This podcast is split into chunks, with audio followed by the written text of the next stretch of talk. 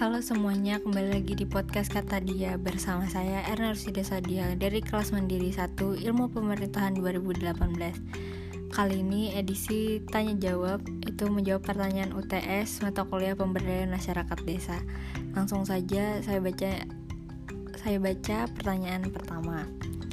Pertanyaan pertama itu jelaskan menurut pengamatan Anda apa minat dan kebutuhan masyarakat desa di tempat tinggal atau di sekitar tempat tinggal. Jadi desa yang saya amati di sini yaitu Desa Makmur, Kecamatan Gambut, Kabupaten Banjar. Nah, di desa ini berada di sekitar tempat tinggal saya. Di desa ini memiliki permasalahan yaitu di bidang pendidikan. Sebagian besar masyarakat di sana menempuh pendidikan hanya sampai jenjang SMP sederajat. Sedangkan sangat sedikit yang mau meneruskan ke jenjang SMA dan perguruan tinggi. Padahal minat mereka sangat tinggi untuk mendapatkan pendidikan sampai ke perguruan tinggi. Setelah diamati, ini terhambat karena tidak adanya sekolah SMA sederajat di sekitar desa tersebut. Mereka harus keluar dari desa untuk menemukan SMA sederajat yang ada di kecamatan. Jadi mereka harus menempuh jarak yang lumayan jauh untuk ke sekolah tersebut. Jarak tersebut melunturkan semangat mereka untuk bersekolah. Jadi yang sekarang mereka butuhkan yaitu pembangunan sarana pendidikan yang memadai dan berada di sekitar, di sekitar desa mereka. Sehingga mereka tidak perlu jauh-jauh lagi menempuh jarak untuk ke sekolah. Nah, yang kedua, pertanyaannya itu pada suatu desa terdapat sumber daya alam kelautan yang berpotensi menjadi objek wisata namun masyarakat desa tersebut belum memanfaatkan untuk aktivitas pariwisata. Jika saya berada di desa tersebut, maka yang akan saya lakukan adalah yang saya lakukan adalah pertama kita harus mengajak dan kita membutuhkan partisipasi masyarakat agar pengembangan bisa berkelanjutan. Kita bisa mengajak masyarakat untuk sama-sama menjaga dan mengelola daerah pariwisata tersebut, contohnya seperti pesisir pantai dan ekosistem lautnya. Masyarakat juga bisa menyalurkan kreativitasnya dengan membuat kerajinan-kerajinan tangan. Mereka juga bisa menghias pesisiran pantai dengan membuat tempat-tempat duduk untuk bersantai dari kayu-kayu atau ranting-ranting bekas agar terlihat lebih menarik dan itu bisa menjadi ciri khas untuk menarik wisatawan untuk berkunjung.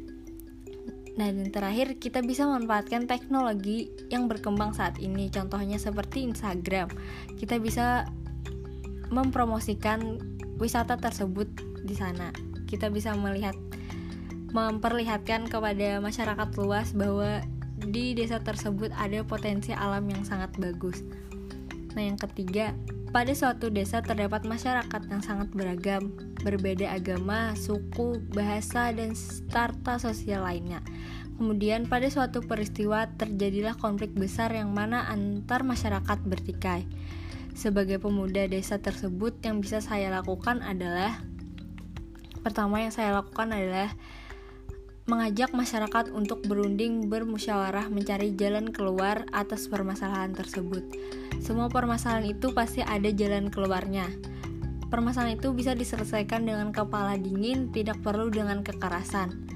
Dan yang terakhir, saling berjanji untuk saling bertoleransi, menghargai antar umat beragama, antar suku, karena kita di sini itu bineka tunggal ika dan tidak bineka tunggal ika, jadi harus saling bertoleransi.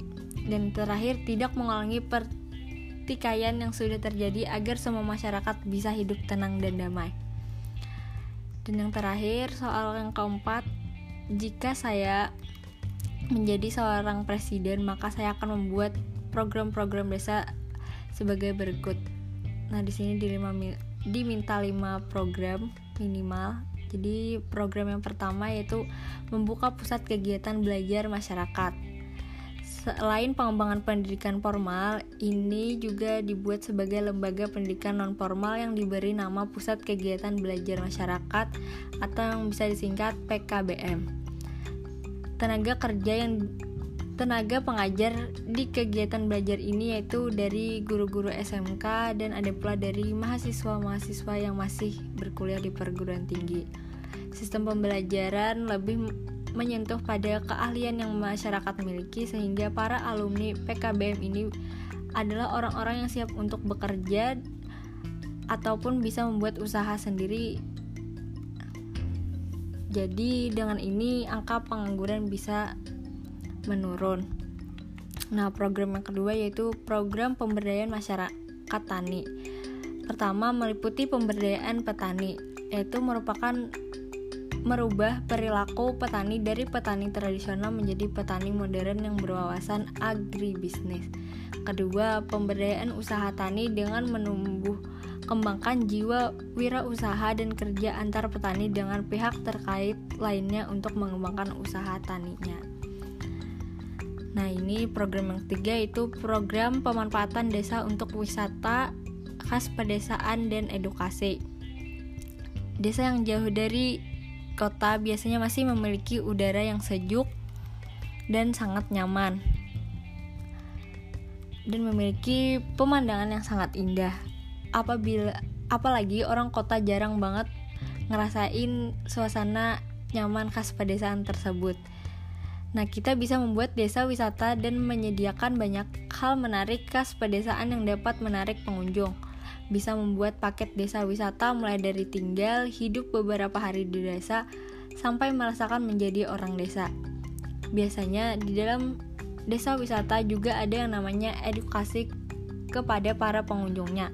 Bentuknya bisa macam-macam, misalnya mengajari pengunjung cara bercocok tanam, pengenalan jenis tanaman dan budidaya, dan terakhir pembelajaran lainnya.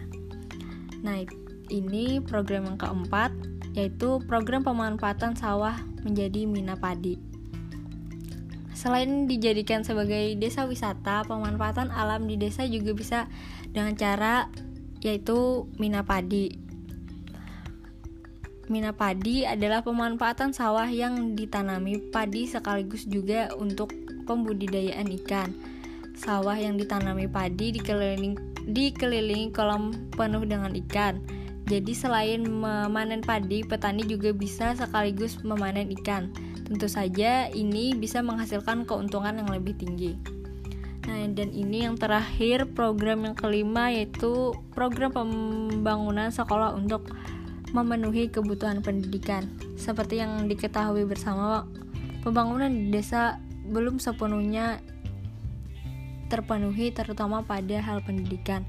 Contohnya seperti di desa makmur tadi yang saya jelaskan di jawaban nomor satu tak jarang para anak-anak desa bersekolah harus menempuh jarak puluhan kilometer ataupun kondisi sekolah yang tidak layak dihuni.